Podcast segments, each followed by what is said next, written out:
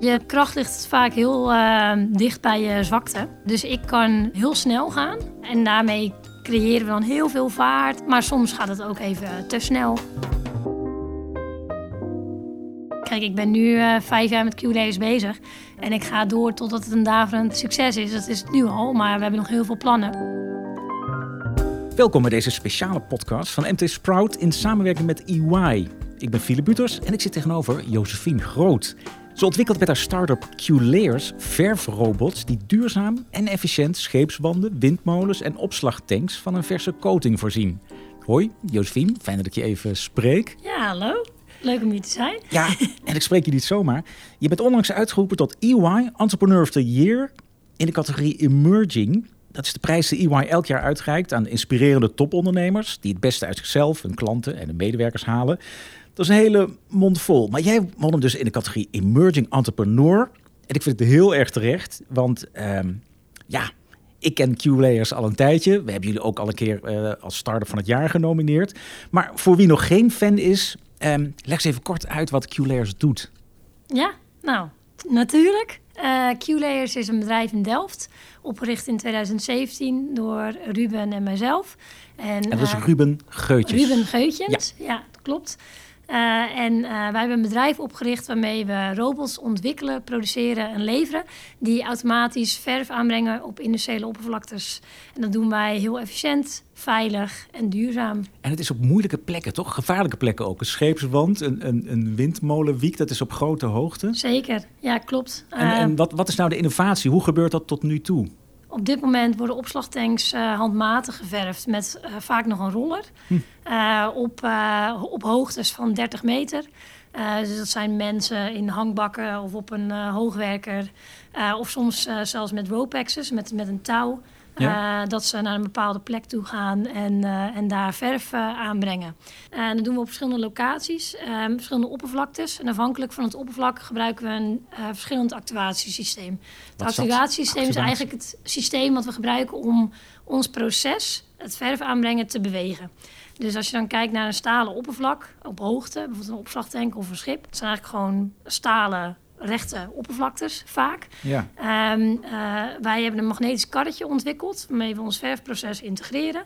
En met behulp van magneten um, uh, bewegen we verticaal over een stalen Het kruipt wand. gewoon over die, over die scheepswand. Ja. Maar het zijn dus verfrobots. Het klinkt een beetje, ja, het is een beetje net geen science fiction.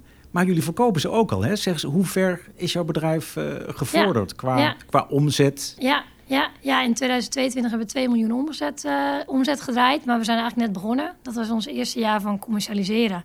En uh, dit jaar hebben we echt grootse plannen. En wie zijn er de Uh, klanten? Wie gebruiken die, die robotjes? Wij verkopen met name aan de schildersbedrijven. Dat zijn de bedrijven die nu handmatig de verf aanbrengen voor uh, die, de asset owners. Dus dat zijn de bedrijven die um, op dit moment de opslagtanks ja, in hun beheer hebben. Of, of ja. zelfs de eigenaar zijn van de opslagtanks. En de, scheeps, uh, de scheepswerven en, ja. en de, de, de, nieuwbouwwerven, zijn die, zijn die ook al klant of is, is dat de Zeker. volgende stap? Ja, um, uh, de maritieme industrie is wel echt onze, ja, onze tweede markt. Dus we zijn nu met name actief in het opslagtanksegment. Hmm. Uh, maar ja, we krijgen heel veel interesse vanuit de maritieme industrie. met name in Europa, maar ook al in Azië en de US. Um, en uh, hoe die markt in elkaar zit, is uh, je hebt ook weer de schildersbedrijven, dus de, de bedrijven die verf aanbrengen. Um, daar leveren wij de robot aan. Dus wij opereren zelf geen robot in het vel, veld. Wij, wij leveren enkel de robot waarmee onze klant het proces kan automatiseren. Ja. Um, en dan brengen ze de verf aan op het schip bij of een scheepswerf voor bijvoorbeeld uh, onderhoud of bij de nieuwbouw. Dus bijvoorbeeld in Zuid-Korea heb je die gigantische faciliteiten waar ze grote containerschepen bouwen. Ja. Nou, en, en, wij kunnen op die grote schepen ook verf aanbrengen. Dus binnenkort uh, varen er schepen over de wereldzeeën met, uh, ja, die lekker in de lak staan dankzij Q-layers uit Delft. Absoluut, absoluut. Dus, dus, jullie maken die, die robots, die worden al geleverd. Um, die verf, uh, jullie staan ook best bekend dat jullie Axo Nobel als een van de investeerders hebben. Is die verf dan altijd van Axo Nobel? Ja, nou, bedankt voor deze goede vraag. wij werken met alle verfleveranciers okay, samen. Okay. Axo Nobel is wel onze investeerder. Ja. Ehm, eh, maar eh, in principe kunnen wij met elke verf eh, werken die op dit moment in de industrie wordt gebruikt. Ja. En we zien dat ook als echt heel belangrijk verkoop, ehm, ehm, ja, onderdeel van onze verkoop. Want wij willen elke verf in de industrie kunnen aanbrengen. Dus Ja. elk, elk, elk type verf, elk, type, elk, elk merk willen wij automatisch kunnen aanbrengen op een veilige en duurzame manier. En hoe groot is het in aantallen werknemers inmiddels? Wij zijn eh, inmiddels met zo'n 50 eh, man, dus we groeien lekker. Afgelopen maandag zes man eh, begonnen en binnenkort komen er weer wat mensen bij. Dus we zijn lekker aan het groeien. En ehm, Axo is van het, nou, Axo Nobel is van het, van het eerste uur. Er zit nog een, Mhm. een ander high-tech fonds in. Ehm, en hoe, hoe financieren jullie nu die verdere groei? Ja, nou, eh, best wel veel uit eh, omzet. Dus ik zeg 2 miljoen eh, omzet, maar er is een heel groot deel van de omzet net dit jaar gevallen. dus dat is hartstikke mooi. Ehm, en daarnaast doen wij al heel veel samen met banken. Dus voor financieren van productie, voor financieren van voorraad. Ehm, eh, met verschillende banken en ook al leasemaatschappijen werken we samen. We hebben laatst natuurlijk ehm, een financiering gedaan via MPEX. Dat was 1 miljoen. Dus jullie hebben een obligatieleding uitgeschreven via Via MPEX. MKB-beurs, noemen wij het altijd. Zeker, ja. MPEX. Ja, Ging dat, ging dat, was er eh, appetite? Ging dat makkelijk? Zeker, ja. We hebben binnen een maand eh, hebben we een miljoen opgehaald. Ehm, dus hartstikke leuk. Voor ons was het ook even kijken van ja, wat, wat, wat is dit platform? Wat doet het? Hoe snel kunnen we hiermee eh, geld ophalen? Wat we dan vervolgens weer kunnen gebruiken voor onze groei. Ja. Dus niet per se een bedrag wat je in onze fase zou verwachten als je een, eh, als je een funding eh, Nee. eh, ronde ophaalt. Want je bent een echte scale-up. Hè? Dan Ja. denk je in, in hogere bedragen en ook vooral van, van VC's, van venture capital investeerders. Zeker, ja. Ja, en ehm, eh, mid vorig jaar was ik, was ik heel erg aan het oriënteren, ook samen met Ruben en de rest van het team, van joh, gaan we 10, 20 miljoen ophalen of gaan we verder organisch groeien? Wat willen we doen? Ja, wat een keuze. Ehm, en ik, ik heb toen best wel nog wat, wat, nou, wat, wat rondgekeken naar investeerders. eh, gekeken naar, oké, we willen 20 miljoen ophalen. Wat, wat, zou, wat zou dat voor ons betekenen qua plan, qua hoe snel we dan groeien? Qua... Dus ik, ik heb dat best wel onderzocht. En wat ik merkte toen ik het onderzocht was dat het is een beetje standaard om met je seed, A, B, A, B, C, D en dan een IPO Ja. te doen. Goed, nu is het natuurlijk met, met COVID, iedereen in 2022 had het over de grote VC pullback. Ehm, dus Ja. ik keek eh, naar het ophalen van funding mid 2022. Dus dan neem je dat ook mee van oké, eh 20 miljoen ophalen. Wat betekent dat voor ons als, als bedrijf? Wat betekent het om het nu te doen? Maar eh, ook gewoon het standaard eh riedeltje van ABCD IPO. Ik had eigenlijk gedacht van ja, waarom, waarom wacht eigenlijk iedereen met die IPO? Weet je, waarom doe je dat gewoon niet eerder? Of zorg dat je eerst profitable bent, groei je dan door en dan doe je in één keer je IPO. Dus ik was ook aan het kijken van ja, is dit eigenlijk logisch dat het altijd zo eh, gedaan eh, wordt? En toen dacht ik van ja, eigenlijk is het ook wel gewoon cool als we gewoon eh, gaan kijken naar een IPO. En toen kwam ik toevallig met Ampex in contact. En toen vond ik dus het idee van Ampex heel erg leuk. Want zij doen eigenlijk een soort van pre-IPO. je gaat natuurlijk publiek en je loopt eigenlijk proces door... wat je ook zou doorlopen als je echt naar de beurs gaat. Ja, maar dan natuurlijk veel, eh, ja, een veel makkelijker, veel minder eh, kosten ko- komen erbij kijken. Ehm, maar het proces en het idee vond ik heel interessant. En ook omdat het uiteindelijk gewoon voor ons een lening is. waarmee we weer wat extra kapitaal hebben om te groeien. Dus betekent dat jij vooral organisch wil groeien, zonder Ja. grote investeerders die... eh, Ja, ik vind dat... Is dat een voorkeur? Wil je liever alles zelf doen, eh, zelf groeien en uit de cashflow alles Ja, ik vind dat zelf, eh, het past wel het beste bij mij. Eh, wij hebben nu twee investeerders aan boord, maar die geven ons heel veel vrijheid in eh, het maken van beslissingen. En ze kijken mee, maar ze steunen ons vooral waar wij hun hulp vragen en verder ondersteunen ze vooral. En eh tuurlijk kun je ook hele grote visie, eh, eh, visies aan boord halen die er ook zo in staan. Maar ik vind het idee, kijk, ik ben ondernemer geworden omdat ik vrijheid heel erg belangrijk vind. En ik vind het enorm gaaf om als ik, eh, want ik vind strategie heel leuk, als ik een bepaald inzicht heb om daarnaar te handelen. En dan kan het zo zijn dat ik in één keer iets eh, heel nieuws eh, bedenk.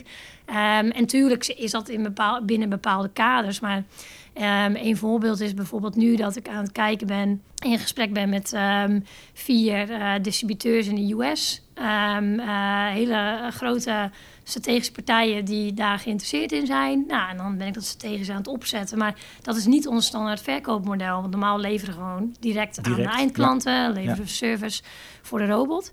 Eh after sales support. Dus on-site, remote, spare parts. Ehm, dus dit is dan een nieuw model. Ja, en dat, dat wil ik dan verkennen. Dat vind ik leuk om te doen. Ehm, en ik, ja, ik vind dat heel erg belangrijk om die vrijheid te hebben. Dus uh, stiekem heb ik ook wel gewoon de voorkeur om gewoon lekker controle te houden over het bedrijf. En, en je bent echt een ras ondernemer volgens mij. Want um, Q-Layers is niet jouw eerste bedrijf, toch? Nee. Ik zag een, um, een importeur van yoga kleding gemaakt van plastic flesjes. Ja, Daar ben je al tijdens je studietijd mee begonnen? Ja, ja, tijdens mijn bachelor. Ja, uh, wij um, uh, verkochten yoga leggings gemaakt van gerecycled plastic flesjes. Uh, dat liep hartstikke goed, want we waren destijds een van, ja, de, een van de eerste die dat verkochten in Europa. Het was al helemaal populair in de US, maar nog niet in Europa. Dus dat liep hartstikke goed. Um, maar... En, en, je hebt het verkocht. Waarom? Verkocht? Ja, ik vond het gewoon niet, niet interessant genoeg. Het was vooral, met alle respect, maar het was vooral gewoon uh, marketing en, en uh, verkopen. Ja, en jij bent een Um, Delse ingenieur. Hè? ja. Je, hebt, je hebt een uh, ingenieurstitel. Um, dus ik kan me voorstellen dat jij meer hebt met techniek dan met yoga. Ja, ja, ja, klopt. Kijk, ik ben geen die-hard engineer. Maar ik vind techniek wel heel erg interessant. En met name het toepassen van techniek om iets te verbeteren of te verduurzamen. Ik vind hardware uh, heel interessant, dus echt producten. Systemen kan ook, maar het moet wel echt iets toevoegen. En, en hoe kom je op het idee voor Q-layers? Ja, leuke vraag. Um, uh, Ruben, uh, Ruben Geutjes was destijds mijn buurman in de studentenflat. Ik had toen net uh, Yoga Chicks verkocht. En ik was aan het mindmappen joh, wat gaat mijn volgende bedrijf zijn? ik wist dat ik iets met industrie wilde doen. Um, en ik wist dat ik iets wilde doen met energie-efficiëntie in de industrie. Omdat ik erachter gekomen was dat de meeste energie in de industrie wordt gebruikt. En dat totaal niet op een duurzame, efficiënte manier wordt gebruikt. En um, uh, voor de energietransitie uh, zijn het installeren van, of is het installeren van zonnepanelen en ook windturbines enorm belangrijk. Ook, ook opslag. Maar als we de energie die we produceren vervolgens niet efficiënt gebruiken, ja, wat, dan, dan klopt er iets niet. Dus ik vind energie-efficiëntie enorm interessant. Voor mij is het de nummer één energiebron, waar nog heel veel te halen valt. Waar eigenlijk niet genoeg mee gedaan uh, wordt. Als je kijkt naar hoeveel um, uh, energie er wordt verspild in de industrie, dat is gigantisch. Dus ik wilde iets doen met de industrie, energie-efficiëntie in de industrie. Toen kwam Ruben uh, als mijn buurman eten bij mij in huisgenoot. En die zei toen... Ik heb een technologie uitgevonden waarmee ik microstructuurtjes kan printen. Toen zei ik van nou, uh, heel leuk, maar wat kan je daarmee? Toen zei je van nou, ik kan daarmee uh, bijvoorbeeld haaienhuid uh, microstructuren nabootsen. In de natuur is elke oppervlakte multifunctioneel. En een haai kan sneller zwemmen vanwege een microstructuur op zijn huid. En hij had een technologie bedacht waarmee hij die structuurtjes kon printen. Zou kunnen aanbrengen op industriële oppervlaktes. Bijvoorbeeld een windturbineblad, een vliegtuig of een schip. Om uh, deze zo energie-efficiënter te maken. Dan brengen we eigenlijk een haaienhuid aan op een schip. En dan kunnen we hem tot 8% energie-efficiënter uh, maken. Dus, ja, dus het wordt gladder, ja. aerodynamischer, water ja. gaat er sneller. Dat was het eerste idee. Dus daarmee zijn jullie aan de slag gaan. Ook alweer in je studententijd, hè? Ja, eerste jaar van mijn master uh, nog. Dus dat was net uh, in Is dat, Ben je dan iemand die, die zoveel ondernemersbloed heeft... dat het na het gaat kriebelen? Ook al hoor je in de schoolbankjes te zitten? Ja, ik vind dat wel heel erg leuk. Maar het, het grappige is helemaal niet per se expres of zo. Uh, maar uh, ja, ik, ik, ik, vind het gewoon heel leuk om uh, met nieuwe dingen bezig te zijn. En je bent ondernemer. Nou, het vorige was wat kleiner. Dit is echt een bedrijf met al 50 werknemers. Ja. Um, wat interessant is, de, de, verschillende fasen die je in kunt gaan als ondernemer. Dus je, je heet wel emerging, maar je bent al echt een scale-up, wat ja. mij betreft. Ja. Um, hoe is het nu veranderd ten opzichte van toen jullie begonnen met z'n tweeën, de eerste werknemers, nu die 50 man? Dat, ja. dat betekent dat je die eerste drempel al over bent, hè? Dus, dus wat heb jij de, de organisatie nu moeten aanpassen al aan die, ja. die grotere omvang? Absoluut. Uh, ja, je, je ziet gewoon dat je, dat je heel veel verschillende fases doorgaat. Dus het begint als je van drie naar vier uh, gaat. En dan van tien naar twintig. Van twintig naar dertig. Ja, ik, ik heb wel elke keer zeg maar zo'n zo'n drempel gevoeld. Van, oh, je merkt nu dat processen weer aangepast moeten worden. En dat er ander soort mensen aangetrokken worden. Uh, want in het begin heb je echt ja, die, die creators, weet je. Iedereen ja. die gewoon uh, wil, wil uitvinden. En, en dan vervolgens ga je ander soort mensen aantrekken. Die heb je ook nodig. Meer operationele mensen, projectmanagement. Dus je, je organisatie die moet meegroeien. En ook jij als ondernemer moet meegroeien. Want als jij vasthoudt aan ik wil alles zelf blijven doen. Ja. En je groeit zelf niet mee naar je nieuwe verantwoordelijkheden. eh, meer focus op je kracht, je zwaktes uitbesteden of bij anderen neerleggen en elkaar zo aanvullen in het team, dan, uh, ja, dan gaat het hem niet worden, zeg maar. Wat, waar zit jouw kracht nu dan? Want dan gaat het echt over jouw leiderschap. Ja. Wat, wat, wat zou je zelf krachtige uh, ja. eigenschappen noemen van jezelf als leider? Ja, als je kijkt naar mijn rol in het uh, bedrijf, dan um, er zijn ja, een aantal dingen die, die, waar ik heel, heel actief mee ben. Um, in het bedrijf leid ik de customer flow. Ik noem het de Q-customer flow. Dus ik vind het heel leuk om dingen te verzinnen. Dus dat is dan een proces en dat gaat dan van marketing naar business development, naar sales, naar deployment. Dus het inzetten, trainen van klanten, naar service en maintenance. Die, die customer flow, die manage ik. Dus dat zijn alle teams die in contact staan met de klant. En ondanks dat dat aparte teams zijn die apart worden aangestuurd, moet daar een flow in zitten. En moet je, de klant... je geeft de klantreis vorm of zo, Precies, en dan intern. Dus uh, nou, dat, dat vind ik heel erg leuk. Um, en daar ben ik heel veel mee bezig. En Ruben, die zit ook nog in het bedrijf, mag ik hopen? Ja. Is hij nog steeds de, de uitvinder en het, technische genie? Absoluut, absoluut, ja. Maar hij is op dit moment uh, ook onze CTO. Dus hij overziet alle onderzoek en ontwikkeling uh, in het bedrijf. Uh, Jorno, onze CFO, die focust op de back-office. Natuurlijk ook finance, maar alle support takken. En klikt dat goed met absoluut. jou? Want jij wil dus snel vooruit en op veel ideeën. De CTO heeft op zijn manier. Zo'n CFO is het misschien wel iemand die zegt: ho, ho, het moet eerst even lukken en landen en voorbereid worden. Absoluut. Uh, maar het mooie is dat Jorno ook wel heel strategisch is. Uh, dus het is minder een financial controller, maar meer gewoon een financieel uh, strategisch persoon. en dat klikt dan op dat vlak. Dat botst niet. Oké, maar ga vooral door. Ja, dus ik doe de customer flow. Um, uh, dus alles wat met sales te maken heeft, met de klant. Um, maar ook de grote strategische deals, uh, die liggen allemaal bij mij. Uh, mm -hmm. Dus bijvoorbeeld zo'n dis distributeursdeal of um, hoe we het product positioneren in bepaalde markten, het opzetten van entiteiten. Dus eigenlijk alles wat met groei te maken heeft, ligt ook bij mij. En um, uh, wat ook bij mij ligt, en ik denk dat ik daar een, een uh, hele belangrijke rol speel, is uh, ik faciliteer ook wekelijks Q-mindfulness sessions. Um, ik geef Q-workouts. Um, ik zorg dat er heel veel ruimte is voor zelfontwikkeling binnen het bedrijf. Dus we hebben ook Q-lunches, waarin we een bepaald onderwerp bespreken. we hebben veertien nationaliteiten, dus we zijn heel veel bezig met diversiteit. Ik uh, faciliteer Weekly Inspiration op maandagochtend om 9 uur. En dan gaan we inspiratie bespreken, wat, wat gaande is in het bedrijf. Dus um, uh, wij faciliteren vegetarische lunch. Uh, maar over jouw eigenschap, dus dan hoor ik dat jij goed bent in, in business development ja. en in processen vormgeven of, ja. of bedenken. En aan de andere kant ben je dus ook goed in mensen begeleiden en mensen meenemen in iets iets anders dan alle uh, efficiënte processen, maar ook gewoon hun, hun, persoonlijke ontwikkeling. Precies, en dan vooral op het inspirerende. Um, Maar als het gaat over echt management, uh, dan, want daar zit dan ook gelijk wel weer mijn uh, zwakte. Want ik vind het heel leuk om iets op te zetten.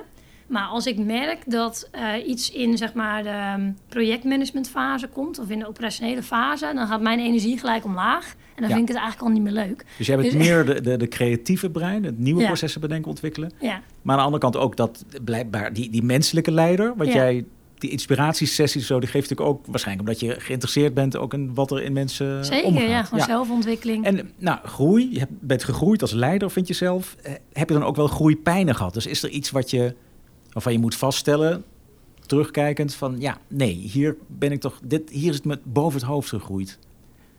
Ja, we, we, je kracht ligt vaak heel uh, dicht bij je zwakte. Uh, dus ik kan uh, heel snel gaan. en daarmee creëren we dan heel veel vaart. Weet je, qua sales, qua teamgroei, qua ja. verandering. Um, uh, maar soms gaat het ook even te snel. En dan, uh, creëer je onrust of uh, onzekerheid nou, of dan bij, komt bij hij gewoon weer, weer terug, zeg maar. Dus um, kijk, ik heb ook wel eens te snel iemand aandelen gegeven. Weet je, dacht ik, ja, dit is het, weet je. Nou, dat, dat was het dan niet. Um, ja, en dan heb je daar weer een heel proces mee. Dus, um, of, dus jouw enthousiasme moet je af en toe temperen. Beetje, beetje als, temperen, leider ja, van maar... een groter bedrijf. Ja. Want ik citeer even uit het juryrapport. Wat gaat natuurlijk echt over de mensen, over de ondernemer hè, achter het bedrijf. Uh, de jury zegt met een positieve, krachtige houding, dat kunnen we onderschrijven, en duidelijke communicatiestijl timmert ze internationaal aan de weg. Herken je in die duidelijke communicatiestijl? Ja, ik zou mezelf niet per se zo om, omschrijven, maar ehm, ja. Het gaat je vanzelf af. Want de jury valt het op van, nou, die mevrouw heeft het verhaal goed, goed en duidelijk voor elkaar. Ja, wat ik wel merk is, uh, kijk, wij, wij ontwikkelen natuurlijk hele complexe technologie. En ik ben inmiddels wel in staat om dat heel makkelijk uit te leggen. Ehm, en uh, waarom ik ook goed kan verkopen, is omdat ik best wel snel door heb uh, hoe de ander, wat de ander, wat, wat voor taal de ander spreekt. Dus niet echt letterlijk de taal, maar, ja, maar waar iemand de woorden op aanslaat. en waar iemand op aanslaat. En dat, dat werkt heel goed in, de, in de verkoop. Dus, uh, en de jury zegt ook met een positieve krachtige houding. Dus dat positieve, waar haal jij positiviteit uit? Ja. Er zijn natuurlijk ook weken, maanden dat het gewoon echt helemaal shit is, toch? Ja, ja. Covid of klanten die weglopen. Ja. Nou ja, wat je net zei, iemand die, uh, met wie je uit elkaar gaat terwijl je hem of haar net aandelen hebt gegeven. Ja. Dus waar haal jij die positieve inspiratie ja. uit? Ja, dat is wel een, uh, een, interessante vraag. Want ik, ik ben best wel heel uh, allergisch zelfs voor negativiteit. Of als mensen alleen maar problemen zien, dan kan ik echt helemaal... ja, daar kan ik helemaal niet mee omgaan. Ja, dan zeggen wij gebrek aan empathie. Ja. Je leider heeft nou, is empathisch. Ja, nee, ik, ik kan alleen maar oplossingen zien. En, uh, en als mensen in problemen denken, dan, dan zijn we geen goede match. Nee, dus Oké, okay. dus dat is misschien best wel een, een, een vlekje aan jouw leiderschap, toch? Als jij...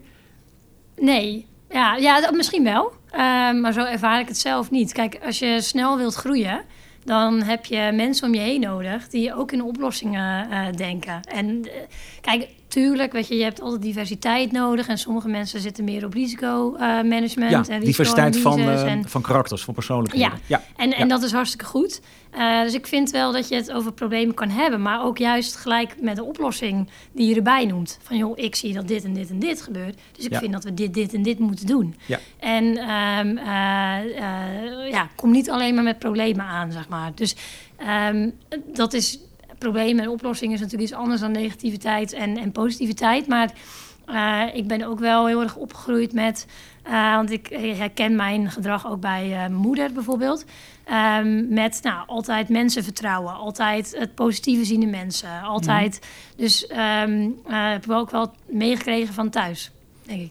Ja, dus inderdaad, het glas is half vol. En wat mensen betreft, tot het tegendeel bewezen is, kun je, kun je bouwen op mensen, Precies. kun je mensen vertrouwen. Precies, uitgangspunt is iedereen is goed en iedereen kan je vertrouwen. Ja, wat, wat is nou je drive voor dat ondernemerschap? Dus waar doe je het voor? Je had natuurlijk ook een fantastische baan kunnen accepteren bij, bij een grote corporate. Of, uh, Ja. Maar wat, wat wil je nou, misschien als je over tien jaar, wat wil je nou bereikt hebben als ondernemer? Ja, ja. Nou, QLaser is sowieso niet mijn uh, laatste bedrijf. Oh, Ehm, Oké, nou, dat, dat- dat, dat dit is nog eh, geen en dat, afscheidsinterview, maar Dat is ook geen, eh, dat is ook geen geheim. Maar Nee. ehm, kijk, ik ben nu eh, vijf jaar met QLays bezig. En ik ga door totdat het een daverend eh, succes is. Dat is het nu al, maar we hebben nog heel veel plannen.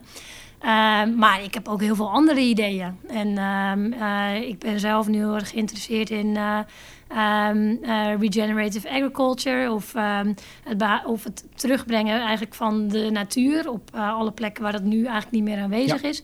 Eh, ik woon zelf samen met mijn vriend en mijn dochtertje van twee in een tiny house die we zelf hebben gebouwd. Eh, off-grid. Dus we ehm, tien panelen op het dak, batterijen in het huis. We filteren het regenwater. dat gebruiken we in het huis. Eh composttoilet, hele grote moestuin. Waar we tot eigenlijk een paar weken geleden van hebben gegeten. Ehm, dus we, we leven eigenlijk zo goed als off-grid. Eh, en dat geeft heel veel eh, vrijheid. Dus het geeft een enorm eh, fijn gevoel. Ehm, maar ook ja, dat, dat bijdragen en dat, dat, eh, dat willen vernieuwen zit daar ook heel erg in. En de, zie de, rode draad dus in je ondernemerschap en wat je, wat je wil bijdragen aan de wereld, is toch de wereld duurzamer maken. Dat, dat zit er Ja. echt heel diep in. Ja, ik heb sowieso eh, eh, heel veel eh, passie voor de natuur. Ehm, dus ja, ik zit het liefst de hele dag gewoon in de natuur.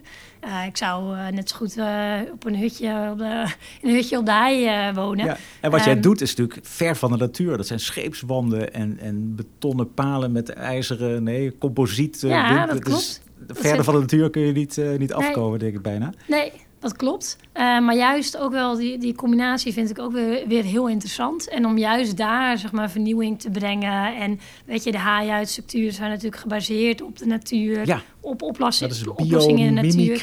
Hoe Ja, dat? biomimicry. Ja. Biomimicry. Dus, eh, dus ik, ik heb enorm veel passie voor de natuur. En ehm, ik merk dat het ondernemerschap mij enorm goed, goed ligt. En eh, dat ik daar eh, in op, op de.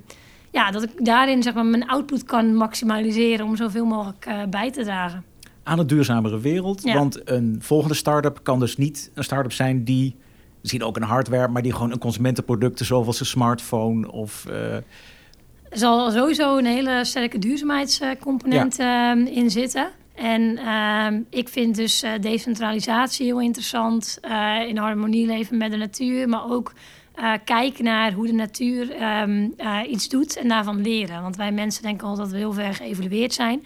Maar dat is helemaal niet zo. We, we, we- ja, we zijn pas net op, op weg. Terwijl als je naar de natuur kijkt, ja, een haaienhuid of een haai is eh, meer dan 400 miljoen eh, jaar oud. Dus die is al zo lang geëvolueerd. En daarom heeft het dus ook dat structuurtje die dus de wrijvingsweerstand Ja. vermindert. Dus eh, in de natuur heb je ook, als je het dan hebt over energie-efficiëntie, dus de industrie die niet energie-efficiënt is, in de natuur is alles circulair. Er is helemaal geen afval. Alles Ja. wordt weer, weer gebruikt in een andere cirkel. Dus ehm, Ja, dus dat is een groot voorbeeld. Dat, dat is heel, een hele innovatieve gedachte weer. En dat, laatst vraag over jou, jouw huidige start-up, eh, scale-up moet ik eigenlijk zeggen. Je zit wel in een industrie die niet altijd even snel wil meebewegen. Dus ehm, draagt jouw persoonlijkheid eraan bij dat, dat je die mensen toch in beweging krijgt? Want het zijn ja, schilders die al honderd jaar opslagtanks op dezelfde manier rollen en spuiten. Dus, dus wat, wat breng jij mee om toch die, die industrie in beweging Ja. te krijgen? Ja, dat, dat, eh, dat verschilt heel erg. Ehm, per ook weer bedrijf of eh, de, de klanten waar, waarmee we in contact zijn. Kijk, ik merk dat bij sommigen op persoonlijk vlak dat wel het geval is.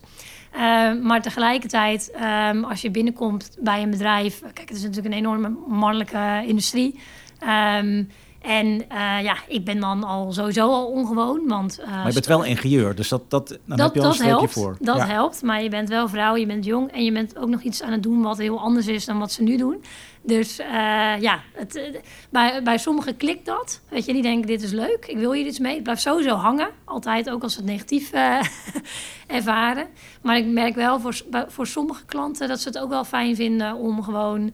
Eh, eh, met iemand die al langer in hun, in, in hun industrie zit. eh, Echt waar? Dus ja. ik wou zeggen van hoe doorbreek je dat? Maar soms breng je gewoon iemand anders mee. Ja. Omdat het dan Ja, ja, dat kijk, jij niet door die barrière heen breekt van, van ja, de manier waarop mensen naar jou Precies, kijken. ik hoef niet elke eh, verkoop zelf te doen natuurlijk. Dus we, we kijken gewoon bewust naar, Ja. oké, wat heeft deze klant eh, nodig? En de industrie komt in beweging, want jullie hebben klanten. Ehm, terug naar die award. Jullie, je hebt hem niet zomaar gewonnen. Je bent flink doorgeslagen door de jury, neem ik aan. Eh, hoe was dat om, eh, om toch weer te moeten pitchen ten overstaan van, van zo'n ervaren eh, entrepreneurs? Ja.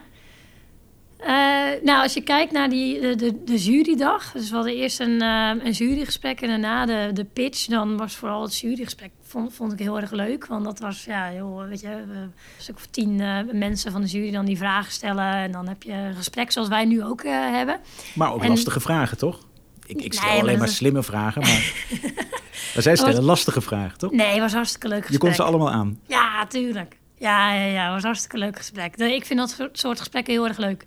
Ehm, en de pitch, eh, ja, ik heb natuurlijk wel, wel vaker gepitcht, dus dat is minder. eh, Dat was niet voor mij. ehm, ik vond de jurygesprek is me veel meer bijgebleven. eh, Ja. maar.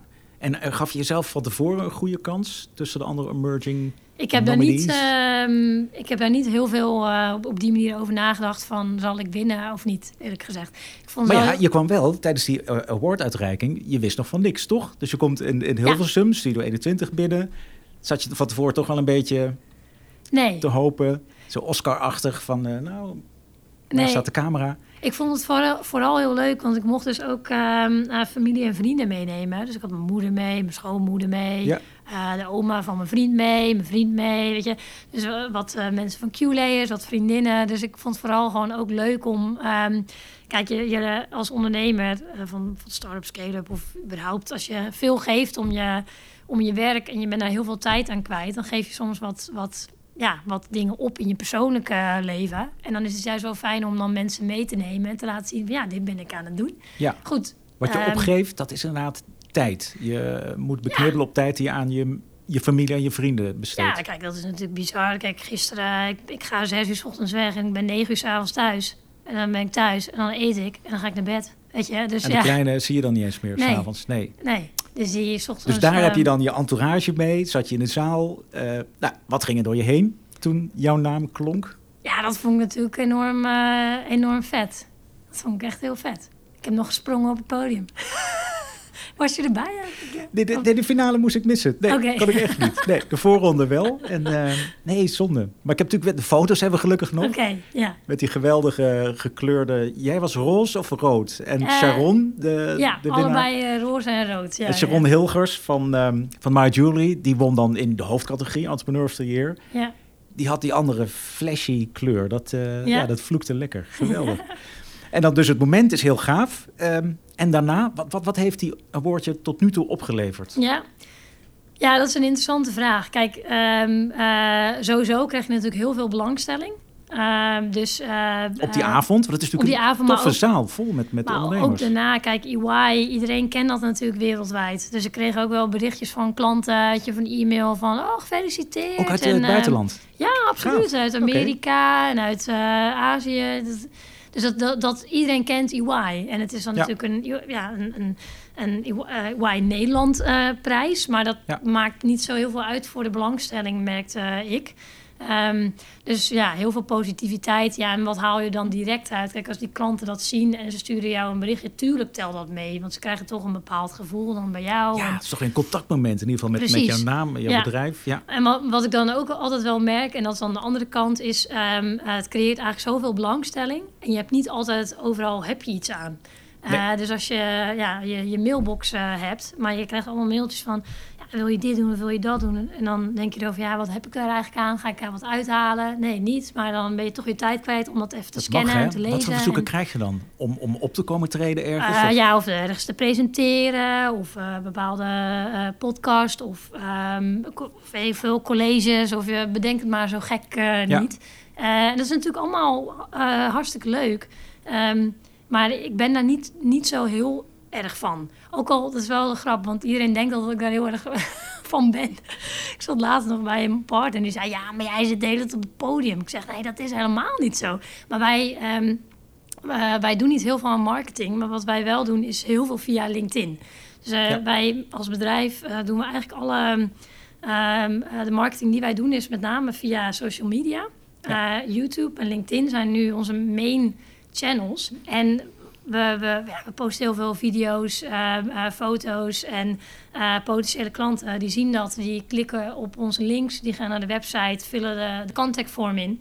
Ja. En dan komen ze in onze sales funnel. Dus wij- wij doen eigenlijk helemaal bijna niks aan exhibitions of Nee. En als je een interview geeft, zoals aan Sprout, ehm, of je staat op een podium, dan is dat gewoon functioneel, toch? Dan Ja, is dat ja, gewoon goede, ja, levert dat goede content op en publiciteit. Ja. precies. Ja.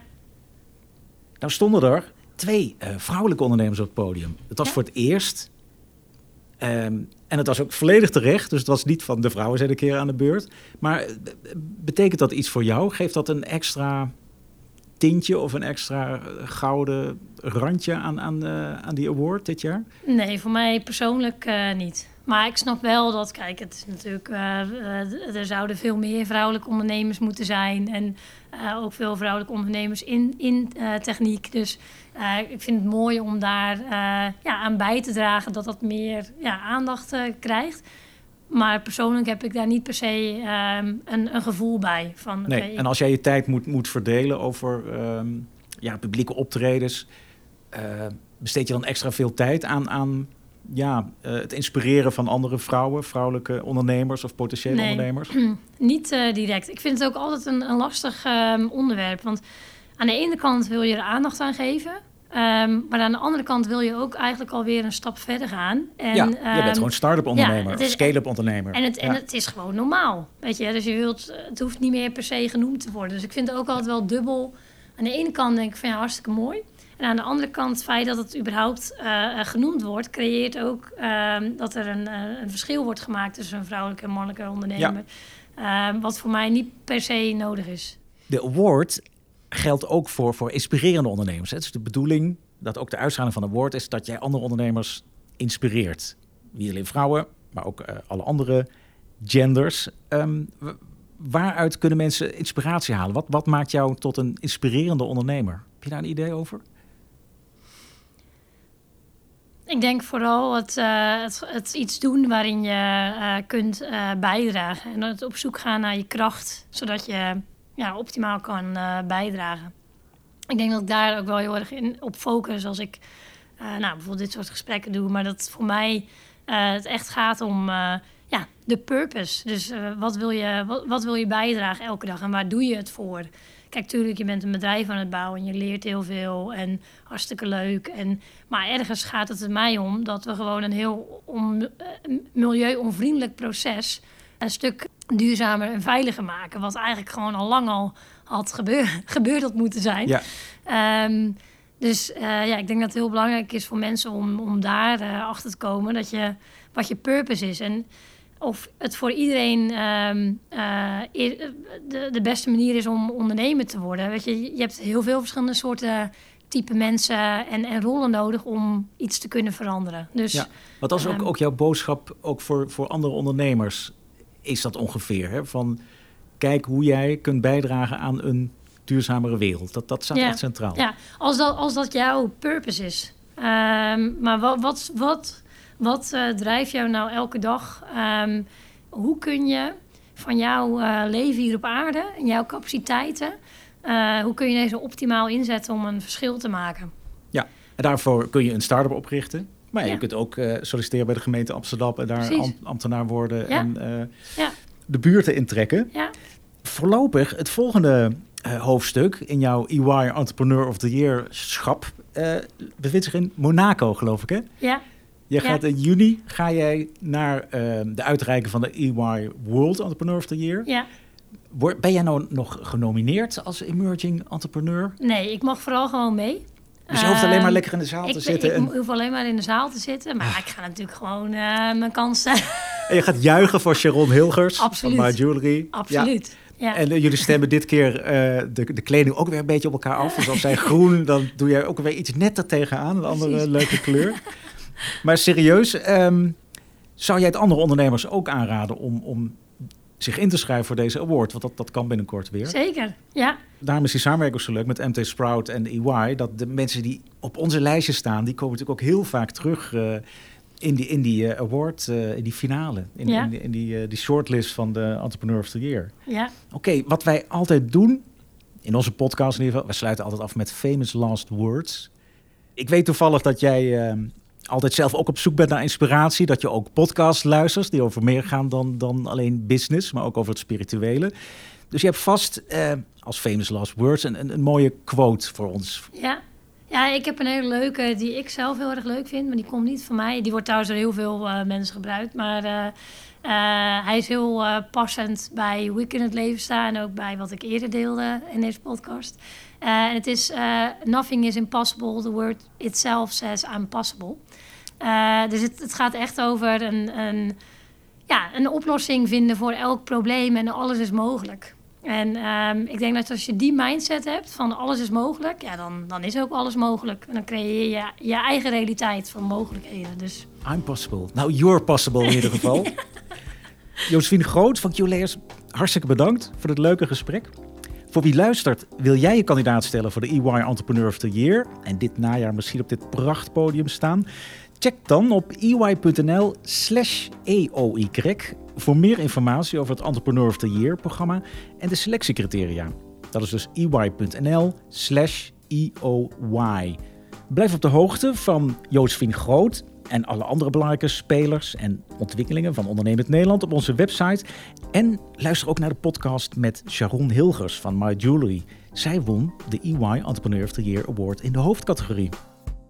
Bedankt voor het luisteren.